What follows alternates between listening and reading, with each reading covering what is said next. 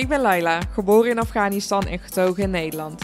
Met mijn man Tom heb ik het regelmatig over onderwerpen zoals de economie, identiteit, maar ook de grootste zorgen die we als bevolking hebben.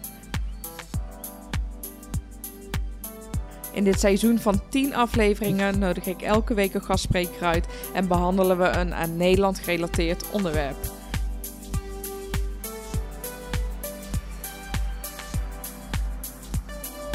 Welkom bij Nederkast, ga mee op reis en laten we Nederland samen ontdekken.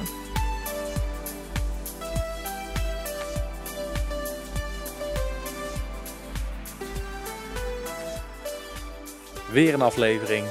Laila, wat gaan we doen vandaag? Ik ga vandaag naar eh, Wim van der Donk. Ik weet niet wat jij gaat doen. ja, gewoon werken ben ik bang. nee, ik ga vandaag naar Wim van der Donk op Tilburg Universiteit. Interessant. En we gaan het hebben over universiteiten in Nederland, over studeren en groeien en leren. Het is een heel interessant onderwerp. Ja. Maar ik wil eigenlijk bij het begin beginnen. Wie is Wim van der Donk en uh, hoe ken je hem? Oké. Okay. Hoe ben je aan hem Ja, gekomen? jij weet natuurlijk uh, dat ik hem al langer ken. Uh, Wim van der Donk is op dit moment rector magnificus van Tilburg Universiteit. Hij is heel lang commissaris van de Koning voor Noord-Brabant geweest. Ik ken hem sinds dat ik een jaar of 15 à 16 was. Ik deed toen vrijwilligerswerk bij iets wat Wereldpodium heette. En Wim uh, was daar samen met zijn vrouw aanwezig. En toen was ik met hem in gesprek geraken. En toen wist ik helemaal niet dat dat de commissaris van de Koning was. En ik was dus uh, ronduit aan het vertellen over dat ik dus... Ik deed toen VMBO. Dat ik verder wilde studeren. En dat ik... Bezig was met een boek, dat ik ooit schrijver wilde worden en, en dat soort dingen. En uh, op het eind uh, gaf hij zijn kaartje. Toen zei hij, als, jij, als jouw boek dus ooit uitkomt, dan moet je me bellen. En dat heb je gedaan? Ja, echt vijf jaar later. weet je het nog? Gebeld. Toen zei ik van, ik weet niet of je dit nog weet. Wist hij het nog? Hij wist het nog. En toen heeft hij me uitgenodigd op het provinciehuis in Den Bosch. Toen hebben we koffie gedronken, hebben we het erover gehad. Hij heeft op een gegeven moment een bijeenkomst georganiseerd die ik eigenlijk mocht openen met mijn verhaal. En de eerste, nou ja, 50, 60 man die mijn boek hadden gekocht. Dat waren dus wethouders en burgemeesters van Noord-Brabant. Want daar was die bijeenkomst voor. Ja. Uh, en hij gaf mij destijds ook advie een advies mee van... Uh, ik vertelde dus dat ik inderdaad de ambitie had om verder te studeren. Om mijn papiertjes eigenlijk binnen te halen. En ik weet nog dat hij zei dat, dat ik dat ook echt moest doen. Dat ik verder moest studeren en door moest groeien. En dat dat heel belangrijk was. Ja. En daar heb ik oprecht best wel vaak aan teruggedacht door de jaren heen. En zo hebben we ook contact gehouden. Nou, mooi. Ik zou zeggen, pak je spullen, ga lekker naar Wim toe. Ja. en uh, veel succes vandaag. En jij ook met werken. Dank.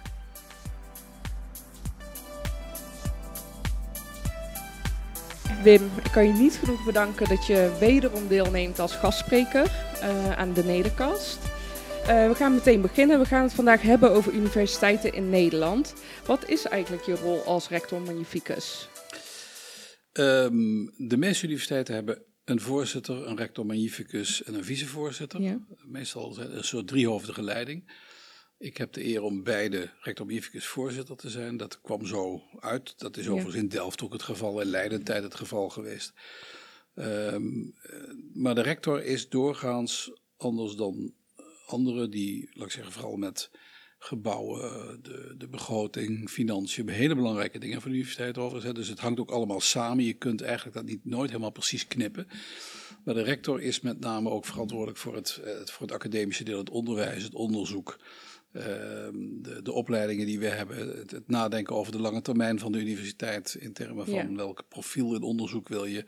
Maar de rector doet dat samen met de decanen, want de decanen universiteit bestaat Ja. uit, hè, dat eh, heb je gelezen, dat boekje, eh, uit heel veel samenstellende onderdelen. We hebben hier vijf faculteiten en een grote business school. Eh, en die faculteiten die hebben ook allemaal zo hun eigen rol. Hè. De faculteit aan rechtsgeleerdheid, de School of Law heet dat hier tegenwoordig, die, die zetten natuurlijk hun koers ook wel samen uit. Maar als rector ben je wel een beetje verantwoordelijk om dat A, allemaal te overzien, maar ook te kijken waar samenhangen en vernieuwing kan worden georganiseerd om de universiteit naar de toekomst te helpen. Hele belangrijke rol dus. Toen ik een jaar of 15 was, toen heb je, adviseerde je me dat ik door moest studeren. Dat was eigenlijk een van de eerste dingen die je tegen me hebt gezegd. Maar waarom is onderwijs zo belangrijk? Ik denk dat onderwijs van welk soort dan ook, Of je nou praktisch gevormd wil worden, theoretisch gevormd wil worden, ehm, al weet welk beroep je wil doen, of dat nog niet zo weet en je meer algemeen wil ontwikkelen. Het is een enorme verworvenheid. Uh, in, in, in onze samenleving denk ik dat wij mensen de kans bieden om goed onderwijs te volgen. Omdat daarmee um, ook wordt onderkend dat talent, en iedereen heeft talenten op verschillende manieren, dat je die moet gebruiken en ontwikkelen. En dat gaat niet vanzelf. Onderwijs is een soort wederkerige relatie hè, met, met je dossier. Ik heb zoveel te danken aan hele goede docenten. Ik spreek over een paar weken op mijn oude middelbare school, ga ik dat weer zeggen omdat je die docenten, ja, die, die vonken je aan, die laten je mogelijkheden zien waar je zelf niet aan gedacht had. Dus eh, daar waar je de mogelijkheid hebt onderwijs te volgen, van welke soort dan ook, zou ik dat in algemene zin zeer aanbevelen, omdat het A, jezelf verder helpt en daarmee ook de samenleving en anderen. Op welke vlakken helpt het de samenleving verder? Nou, ik denk eerlijk gezegd dat we uh, bijvoorbeeld hier op de universiteit wordt wel eens gezegd van, nou, wij leiden op voor de arbeidsmarkt. Hè, dat klopt voor een deel. Uh, gaan we goede juristen opleiden, goede psychologen, goede economen, goede accountants. Maar wij leiden ook op voor beroepen waarvan we nu nog niet eens weten dat ze bestaan. Dat geldt overigens ook in het MBO. Iets als megatronica, nu overigens gearriveerd.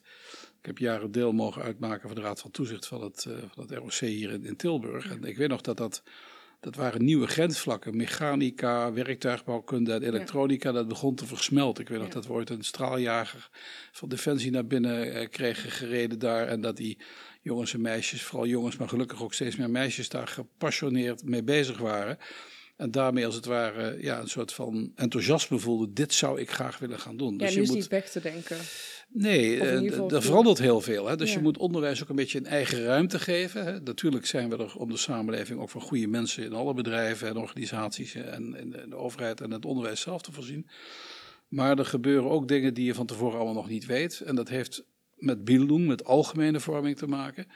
Dat je jonge en ook oudere mensen overigens, want leven lang leren is ook echt een thema wat eh, ook voor universiteiten steeds belangrijker wordt dat je jezelf blijft ontwikkelen. Want de wereld verandert. De, oude kennis eh, blijft soms buitengewoon van waarde, maar er is ook veel kennis die veroudert, waar je echt opnieuw eh, moet, leren, moet leren nadenken en werken en vaardigheden en kennis ontwikkelen.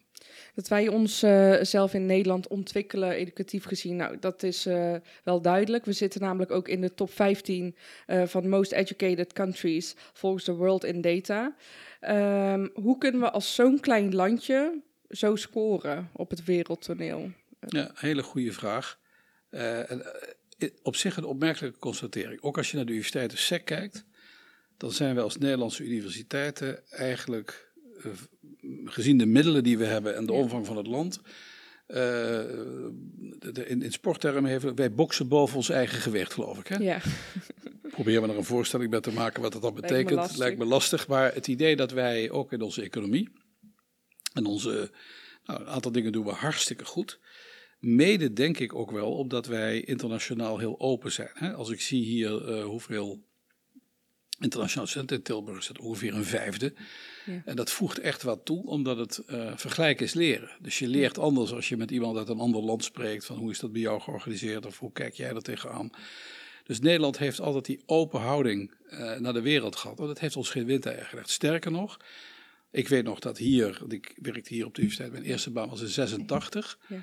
Uh, het begon eigenlijk vooral binnen de faculteit Economie en Bedrijfskunde, Tyson.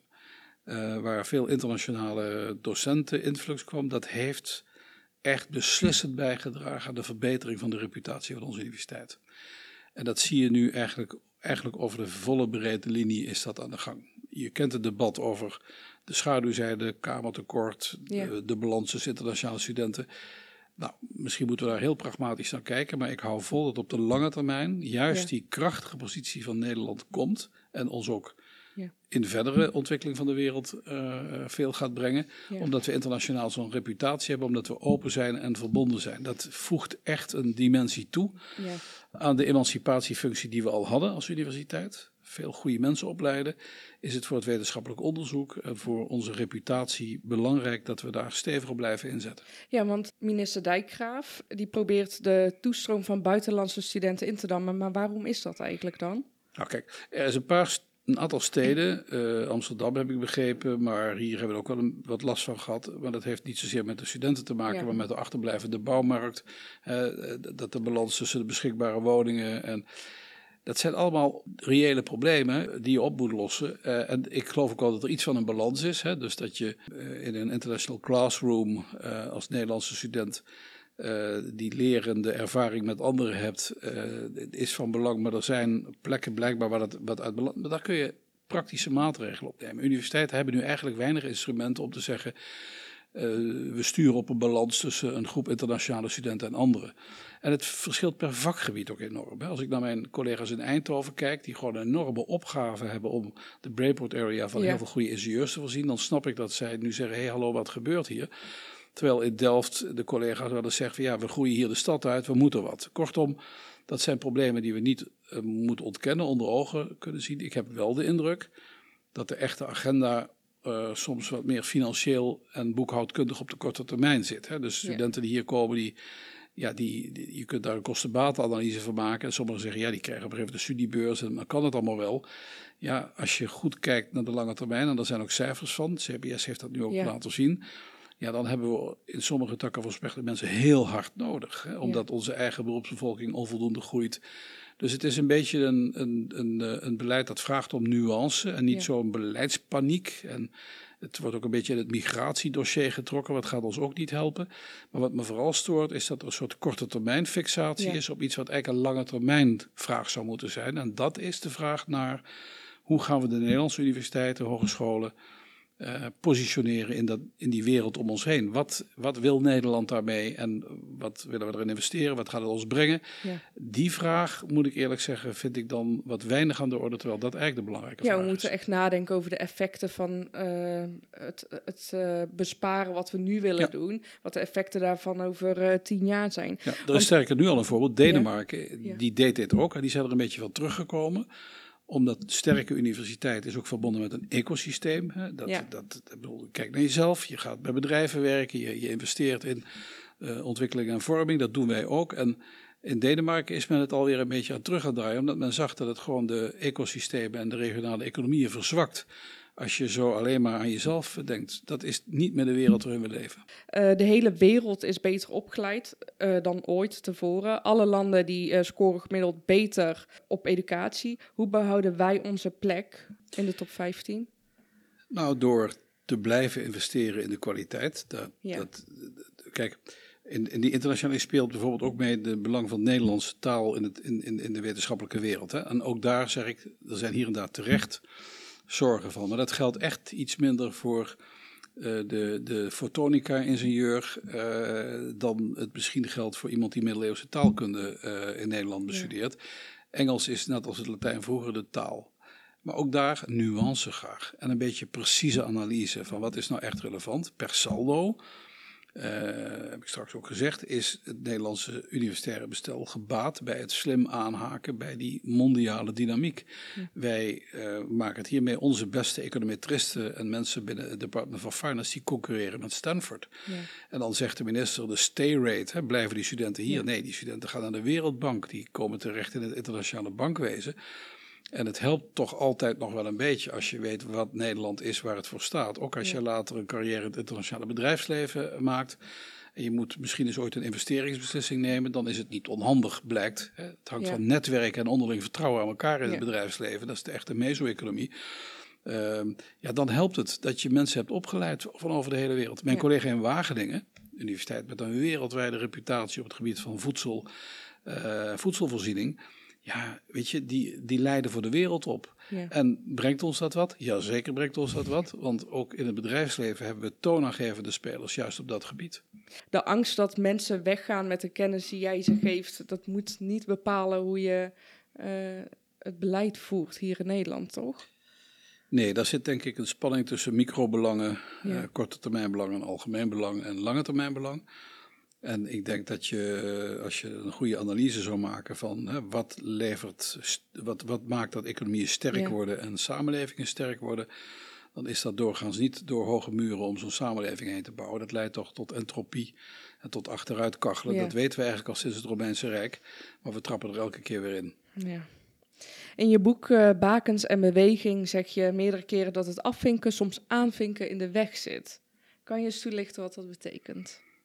Ja, dat, dat raakt eigenlijk een bredere thematiek. Kijk, ik heb uh, een tijd lang relatief buiten de universiteit gewerkt, zoals je weet. Ik ben nu weer terug uh, thuis, zoals ik dat ook noem. Ik ben zeer gehecht aan deze Tilburg ja. University, hele fijne universiteit. Ook enorm gegroeid en in betekenis uh, gegroeid. maar ik zie ook hier, zoals in alle organisaties, af en toe dat we heel veel systemen hebben gekregen die, die de echte contacten een beetje in de weg zitten. En natuurlijk, ik doe niets af aan het belang van uh, systemen. Die heb je nodig om een organisatie te runnen. Maar ik heb in die lezing gezegd dat me opvalt dat naarmate we meer digitalisering gebruiken, uh, die systemen zich soms verharden. Het leidt tot wat Arre Zuurbond, een van mijn voormalige collega, die hier in 1991 is gepromoveerd op het proefschrift Infocratisering. Ja. Dat je dus ziet dat er ja, dat de systemen dominanter worden dan, dan de contacten onderling. En elke organisatie weet dat die informele linketjes, uh, dat hebben we ook in corona gezien, vaak heel belangrijk zijn om echt goed te functioneren. En ik noem dat het aanvonken ja. is belangrijker dan het afvinken. En we hebben heel veel uh, domeinen in de samenleving. Het onderwijs is er één, de zorg is een andere. Uh, de analyse is helemaal niet nieuw, waar we het ene protocol naar het andere, ik noem het ook wel eens processen van marktbureaucratisering, we registreren alles en nogmaals, ook hier zal er balans moeten zijn in de discussie, maar ik schrik toch wel per saldo van hoeveel uh, we, uh, ja, hoeveel we verloren zijn in, in de wat informele uh, manier om snel dingen te regelen. Het is, heel al, het is al heel gauw heel systemisch en boksen afvinken. En dat kan ook tot een soort onverschilligheid leiden van, weet je, ik heb mijn boxjes afgetikt, het zal wel goed zijn. Goed zo, ja. En um, nou, gelukkig hebben we vooral heel veel goede mensen in dienst die ook dat meezien en dat we daar ook met elkaar een, een goede kritisch gesprek over hebben. Maar ik heb het niet voor niks opgeschreven in het boek, omdat die analyse ook wel aansluit. Bijvoorbeeld, nou ja, goed, je kent het werk, weet ik, van Herman Tjik Willink, die eigenlijk ook al jaren analyseert hoe we in de samenleving toch die semi-publieke organisaties, publieke organisaties en ook in het bedrijfsleven komt het overigens voor, ja, enorm uh, ja, hebben laten domineren door die systeemwereldeffecten. Terwijl de leefwereldeffecten, hè, echte mensen met echte verhoudingen, toch vaak het echte verschil maken. Maar denk je niet dat dat gewoon evident is dat dat gebeurt door ook de technische versnelling waar we in zitten, digitalisering? Denk je, of denk je van dat er toch een soort van behoefte gaat ontstaan voor die menselijke contacten weer? Ik denk dat de opkomst van partijen die. Uh, je kunt daar van alles van vinden. Hè? Maar ja. uh, ik hoorde mevrouw van der Plas iets over norberschap zeggen. Ik hoorde Pieter Omzicht een kritische analyse maken van wat is er eigenlijk in die toeslagenaffaire ja. eigenlijk misgegaan. Uh, daar zit wel iets in de samenleving. Hè, van hé hey, hallo, ben ik er ook nog? En ja. uh, die gepantserde machine van het eigen gelijk die over ons heen dendert. Als je, ook bij bedrijven hoor, als je een klant bent met iets van een bijzonder verzoek uh, ga maar eens aan zo'n telefoon hangen. Uh, uh, je wordt van het ene naar het andere doorgeschakeld. Je moet nummertje drie toetsen voor dat.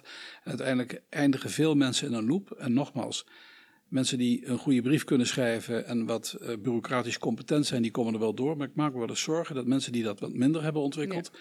dat die daardoor verder in de problemen komen. Ja. schulden, nou dat hebben we ook bij de toeslagenaffaire gezien. Dus het, het, probleem zit eigenlijk breed in de samenleving dat we af en toe die balans ja. opnieuw moeten herstellen, denk en ik. En dat moeten we zeker ook doen als je kijkt naar vergrijzing. Ik bedoel, die groep wordt ook steeds groter. En ja. dat is denk ik ook de groep die het meest kwetsbaar is voor dit soort gevallen. Toch? Ik bedoel... Ja, ik denk, ik, denk ik, bedoel, ik ben heel benieuwd hoe ik zelf zal zijn als ik 80 ben. Uh, ik ben nogal gadget georiënteerd en ja. ik vind het wel leuk, die techniek. Maar als je dat niet hebt, uh, je realiseert je wat ik nu allemaal met die telefoon doe. Ja. Ja, je, je bank, je verzekeringen, je, de schadeafhandeling van een deuk in je auto. Het gaat allemaal met appen. Alles, ik kan ja. me niet voorstellen. Ik was er van een week even ergens vergeten. Dan denk je, oh mijn god, wat, wat moet ik dan doen? Ik, ga, ik dacht, ik moet een tweede aanschaffen, want je bent er zo afhankelijk van geworden. Ik kan dat. Ja. Hoop ik nog. En ik hoop ook als ik ouder ben. Maar ik zie inderdaad in de oudere generaties wel af en toe van ja, de, dat sluit een deel van de werkelijkheid voor ja. hen af. En dat is echt een, nou, je, goed dat je dat agendeert, want er zit een nieuw issue aan te komen waar we ja. goed over moeten nadenken. Ja, en die groep moeten we zeker uh, daarin helpen. Uh, je zegt in je boek ook technische versnelling is een belangrijke voorwaarde voor maatschappelijke versnellingen en dat voedt drijfveren als concurrentie en andere vormen van culturele en sociale versnelling. Ja. Nou, mooie zin. Hoe ziet dit in de uh, praktijk eruit? Ik ontleen dat begrip versnelling aan het boek van Hartmut Rosa, ja, een socioloog die we echt goed in de gaten moeten houden. Want je kent de theorie van de modernisering, hè, dat we allemaal rationele. En nou goed, de techniek is voor een deel een grote driver om rationalisatie in processen te brengen. En nogmaals, hier en daar heeft het ons veel gebracht. Maar Rosa zet er eigenlijk bij, wat, wat er nog daarnaast gebeurt, is een enorme versnelling van processen. Ja. Die soms zo snel gaan dat mensen het niet meer bijhouden. Dus dat mensen een beetje afhaken. En dat die versnelling uh, in termen van competitie uh, dominant begint te worden. Een van de voorbeelden die ik eens ooit las, is dat in New York de, bij beursplein 5, hè, dus de, de, de, de, de, de, de, beurs, de Wall Street, uh, die club, dat daar gevochten werd om de plek waar je als bank kon zitten, omdat mogelijkerwijs één milliseconde eerder je de informatie via internet, via een snelle kabel kreeg. dat je dat al concurrentievoordeel gaf. Dat is een soort extreme vorm van hoe snelheid betekenisvol is om, om als het ware concurrerend te zijn. Nou, van deel niks nieuws onder de zon, want slim ondernemerschap is er altijd te maken met wie ziet het eerste nieuwe kansen. Dus daar is op zich misschien ook helemaal niks mis mee. Maar ik heb wel de indruk dat de, de snelheid, eh, in combinatie met die digitalisering, voor sommige mensen echt uh, leidt tot ja, tot, tot uh, klachten. Laten we bijvoorbeeld uh, geven, heb je zelf ongetwijfeld ook af en toe een opening mijn mailbox. Denk ik, oh mijn god, hoe ga ik dit weer doen? Ja. De hoeveelheden en um, de, de, de, de, de, de, mails die je krijgt. En overal, iedereen verwacht meteen antwoord. Je hebt niet alleen mail, je hebt ook nog sms, je hebt telegram, je hebt WhatsApp, je hebt LinkedIn, LinkedIn je hebt de hele rimbam. Op een gegeven moment is het waar, is er ademruimte om te zeggen waar hou ik het overzicht. Nou, ik probeer dat te organiseren door daar wat rustig onder te blijven, erover na te denken. Maar Rosa zegt eigenlijk in zijn boek Leven in tijden van versnelling. Iets wat ik ook herken bij mensen als Dirk de Wachter, bij Paul Verhagen, bij Damian de Nijs. Dat de psychiaters zeggen, wat kunnen mensen eigenlijk redelijkwijs nog aan? Zijn, we, zijn we ons af en toe niet zo aan het voorbijrennen dat dat gaat ten koste van onze geestelijke gezondheid? En daar zijn echt wel indicaties van. Ja, ik ben nu een boek aan het lezen en dat heet volgens mij Overprikkeld Brein. Ja. En dat neemt je dus mee in hoe je brein überhaupt werkt, je zenuwstelsel en noem maar op. En dan denk je echt bij jezelf, uh, het is geen wonder dat ik soms het idee heb dat ik brain fog heb of wat meer, dat ik totaal overprikkeld ben. Uh, ik, ik merk aan de studenten hier, uh, allemaal jonge mensen, veerkrachtig. Ja. Uh, zelfs daar is er af en toe een discussie over, dat noemen we dan de well-being. En, en ja. zit je goed in je vel? De competitie op die generatie, met studieschulden die gemaakt zijn omdat je geld moest lenen om te kunnen ja. studeren. Ik sprak laatst Margriet Sitskoorn, een van onze geweldige collega's hier, die heel veel onderzoek doet naar de ontwikkeling van het brein en wat dat wel of niet aan kan. Uh, ook uit het wetenschappelijk onderzoek zijn er reële zorgen over een soort stress. Uh, die, uh, nou ja, die het verhindert om, om, om lekker in je vel te zitten, die, die met dit soort dingen te maken heeft. En ja. we weten dat die vrienden die al die gadgets op die telefoon bouwen ook heel bewust inspelen. Hè? Ons, ons, ons ja. letterlijk verslaafd maken aan wat die telefoon doet. Daar, daar, daar is goede kennis uh, van hersenen mede debet aan. Tegelijkertijd merk ik dat er in het onderzoek een aantal thema's aan zitten te komen van wat kunnen mensen eigenlijk aan? En onder welke condities kunnen mensen nou ja, uh, hun, goed in hun vel blijven zitten? Vind ik echt een heel belangrijk onderwerp, ook voor onderzoek binnen onze universiteit. Ja, want die race eigenlijk, hè, want in dat boek staat ook inderdaad dat uh, hoe je brein is opgebouwd. Nou, dat is door de jaren ja. heen, is dat zo aangepast aan de omstandigheden. Maar de omstandigheden waar we tegenwoordig in staan, dat kan het menselijk lichaam en brein totaal niet aan. Daar zijn we totaal niet op gebouwd. Nee. Dat is echt. Uh... Nou ja, de, de, wat ik ook geleerd heb, dat wist ik eigenlijk helemaal niet. 18 jaar, we dachten, nou, 18 jaar zijn je hersenen wel klaar. Dat is dus niet waar. Die, die, dat is pas 6, 27 jaar. Ja, dus die klopt. hele jonge generatie die die groeit. Wat overigens het goede nieuws is dat ook de hersens doorgroeien. Er komen ja. cellen bij. Ik leer zoveel van, van het onderzoek hier. Ik ben zelf geen psycholoog, ja. maar ik zie dat ook door nieuwe technologieën, meetinstrumenten. Uh, dat we steeds meer van dat brein aan het leren zijn. En ik hoop dat dat voor een deel ook echt wordt ingezet om, om die vraag te beantwoorden: wat is er voor nodig om, om gelukkig en uh, verbonden met, met de rest van de samenleving te blijven? Ja. Want er is wel, er, er, er, zit daar iets. Dat, dat voelen we allemaal en dat zien we ook om ons heen overal aan, aan, aan de hand. Ja. Hoe waak je ervoor dat instrumenten en de technische versnelling waarin we zitten niet steeds meer de doelen bepalen? Nou, Bijvoorbeeld hier op de universiteit. Nou ja, door heel scherp op te letten. Ook, ook hier heb ik te maken met de vanzelfsprekende aanwezigheid van veel nieuwe digitale mogelijkheden. Online onderwijs. Hè. En toen ik rector werd, heb ik gezegd: wij willen geen Netflix-universiteit worden. De ontmoeting, de interactie, echt goed onderwijs is gebaat bij echte interactie. Dat wil niet zeggen dat je niet af en toe wat van die middelen in kunt zetten. Ik heb ook gemerkt in discussies over werkdruk, de universiteit is veel gegroeid. En fijn dat dat gebeurd is. Mooie, stevige, solide universiteit. Maar het is ook wel ten koste gegaan soms van uh, de, de, de, de, werkdruk van onze collega-medewerkers, docenten, die heel veel uh, studenten moeten bedienen. Terwijl ja, je hebt heel veel goede reden om te zeggen dat die groepen niet te groot moeten worden. Nou, dan wordt er vaak geïnvesteerd in allerlei digitale middelen. Ja. Uh, en ik voel bij veel collega's iets van een vervreemding van hun eigen ambacht. Uh, dat ze heel veel tijd kwijt zijn met allerlei administratieve ja. romslomp om die zaken heen. En het wordt altijd beloofd als dat het beter wordt hè, en dat het, dat het daarna allemaal mooier wordt. Maar de werkelijkheid is vaak iets ingewikkelder. Mooi, een uitstapje naar een andere wereld. Ik was vanochtend, wat ik al zei, bij dat, bij dat staalbedrijf. En die hebben enorm geautomatiseerd. Erg interessant om te zien. Maar de ondernemer had heel goed door. Hij zei: Als ik mijn mensen hier echt tevreden wil houden. Ja dan heb ik ook ambachtelijk werk nodig, complexe opdrachten. Want ja, het, het vervreemdende werk, en dat, dat weten we eigenlijk al ook uit de literatuur wel. Als je geestdodend werk doet waar je zelf geen controle meer over hebt, en niet trots kunt zijn op wat je doet, dan is dat niet goed voor mensen. Dus die ambachtelijke kant van het werk, die moet je bewaken. Nou, dat doe ik dus hier ook af en toe regelmatig door, ja, niet zonder kritische vragen of zelfs ronduit problematiseren te zeggen van dit moeten we eigenlijk niet willen met elkaar op deze manier. Uh, om die agenda uh, ruimte te geven in de besluiten die wij nemen. Ook als, als met mijn collega's het college van bestuur en de decanen. Ik las laatst dat je iets had geschreven over ChatGPT bijvoorbeeld. Hè? Mm -hmm.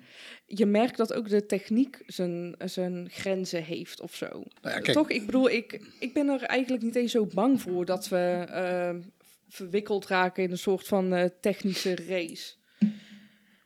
En zo, nee, mensen nou, ja, zoals jij, die staan er ook echt bij stil en die sturen daar ook echt op. Ja, ongetwijfeld gaat die technologie, ik bedoel, als je toch ziet wat ik al meegemaakt heb in mijn tijd. Ik voel me nog ja. niet oud, hè, maar nee. toch, ik bedoel, de fax uh, was nieuw. Daarna kwam de e-mail en ik weet nog dat ik zei, kunnen we zelfs zo'n fax niet hebben? Nee, dat kon niet, want uh, niet, uh, dan gaat iedereen op zijn eigen uh, houtje met de buitenwereld communiceren. Dus moest ik in dit gebouw na de lunch mijn faxen ophalen en versturen jongens, de wereld is, is compleet veranderd. Dus we moeten ons daartoe verhouden. En dan gaat het er elke keer om, wat was ook wezenlijk van belang? Ja. Om, om je werk goed te doen, om gelukkig mensen te kunnen zijn, om een fijne organisatie op te bouwen. Die vragen mogen wel meelopen. Naast die vragen die er ongetwijfeld voortdurend zijn van... Ja, die red race, waar ook universiteiten ja. wel een beetje in gedrukt zijn, een beetje te veel vind ik. Hè. We ja. worden, onze financiering is een beetje marktaandeel georiënteerd voor een belangrijk deel. Ja, dat vind ik helemaal de verkeerde logica. Tegelijkertijd weet iedereen, elk systeem wat je af en toe niet prikkelt om na te denken of het anders en beter kan, is ook niet goed. Dus ook daar is de kwestie van balans. Maar um, ik denk dat wij als bestuurders, de decanen, de vice-decanen, maar ook alle collega's hier gewoon, want we zijn een academische gemeenschap, de plicht hebben om met elkaar die vragen te stellen. Wat was ook alweer echt belangrijk? Waar ging het ook ja, alweer precies. echt om? Hè? En die vraag die hebben we hier uh, voortdurend aan de orde, omdat we ook als Tilburg University die waarde heel hebben, centraal hebben gesteld. Hè? Ja. En wij komen, we zijn een katholieke universiteit, een katholieke traditie. Nou, in deze wereld is dat heel anders van betekenis dan, dan dat uh, bijna 100 jaar geleden was. Maar wat je wel merkt, dat in het DNA is blijven zitten, waar ging het ook alweer werkelijk om? Wat is ja. wezenlijk van belang? Hè? Um, ik had net nog een collega, uh, vice-rector, een discussie. We hebben hier een Career Week, Find Your Career. En dat ja. is fantastisch, dat doen we ook graag mee.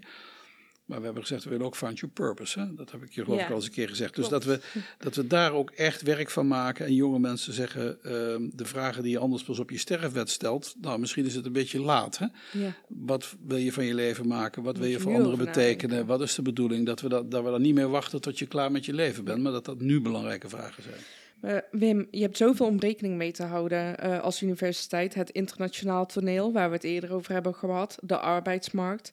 Uh, hoe technologie zich ontwikkelt. Maar ook huisvesting bijvoorbeeld. Alsof dat niet alles is, heeft de politiek er ook nog eens iets over te zeggen. Hoe ga je om als rector met de complexiteit van dat er zoveel aspecten meespelen waar je rekening mee houdt?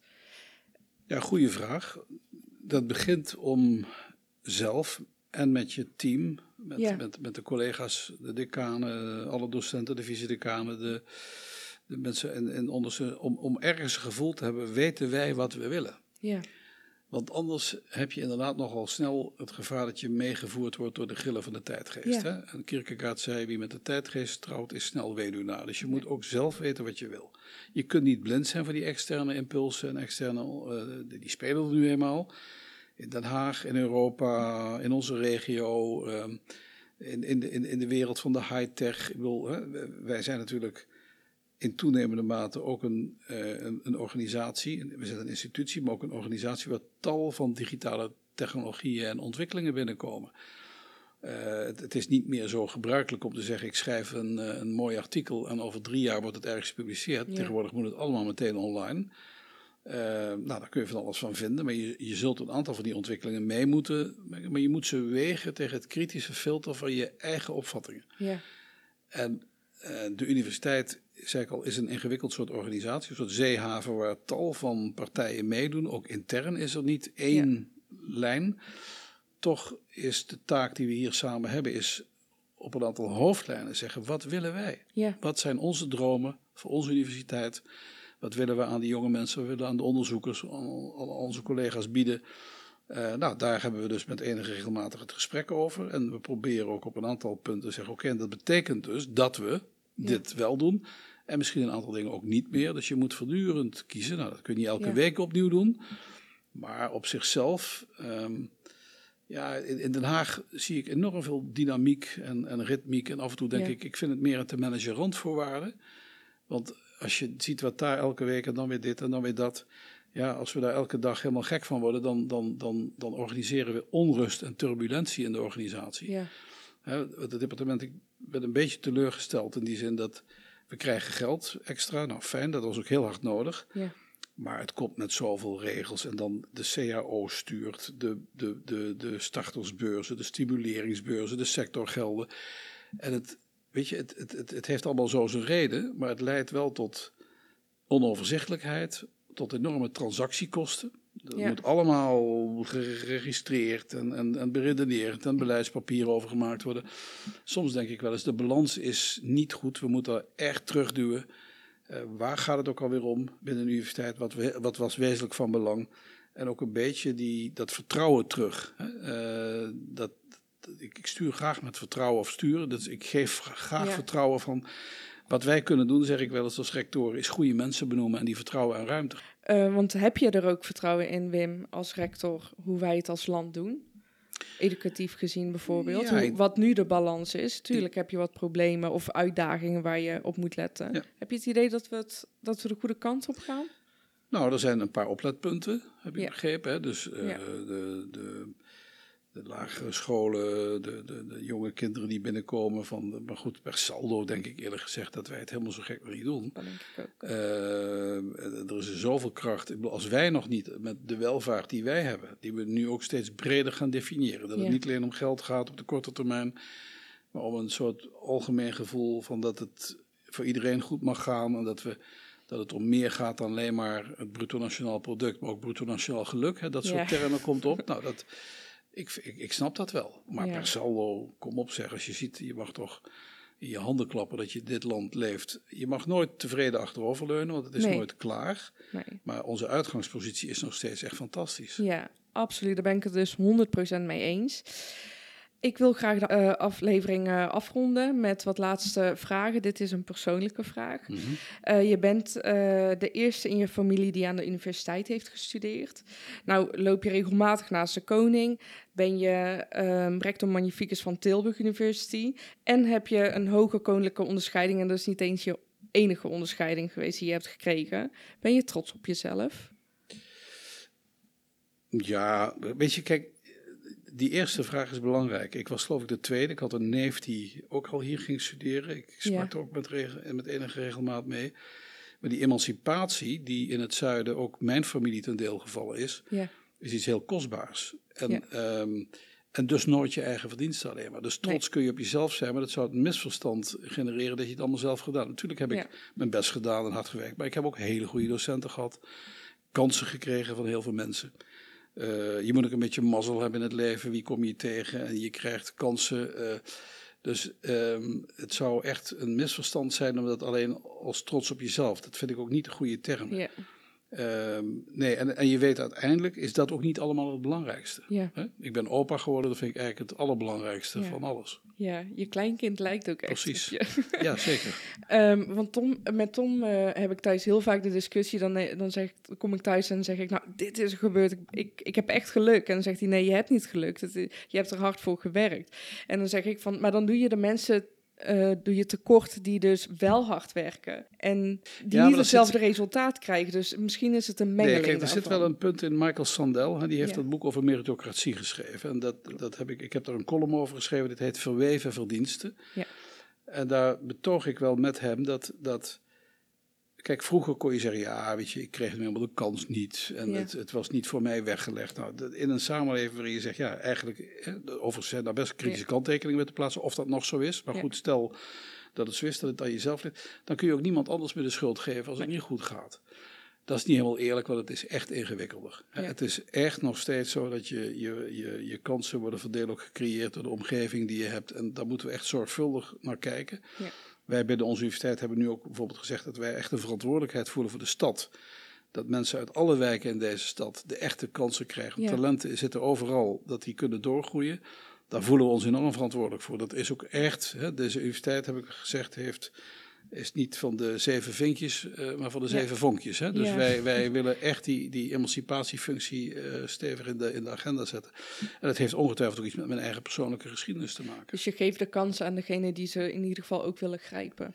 Ik bedoel, als ik naar mezelf kijk, ik ben, nou ja, ik kan gerustgesteld zeggen, min tien in het leven begonnen, zo voelt dat. Hm. Uh, maar toch heb ik het idee dat als je in een land alle kansen krijgt die je wilt aangrijpen, dan is dat wel Nederland.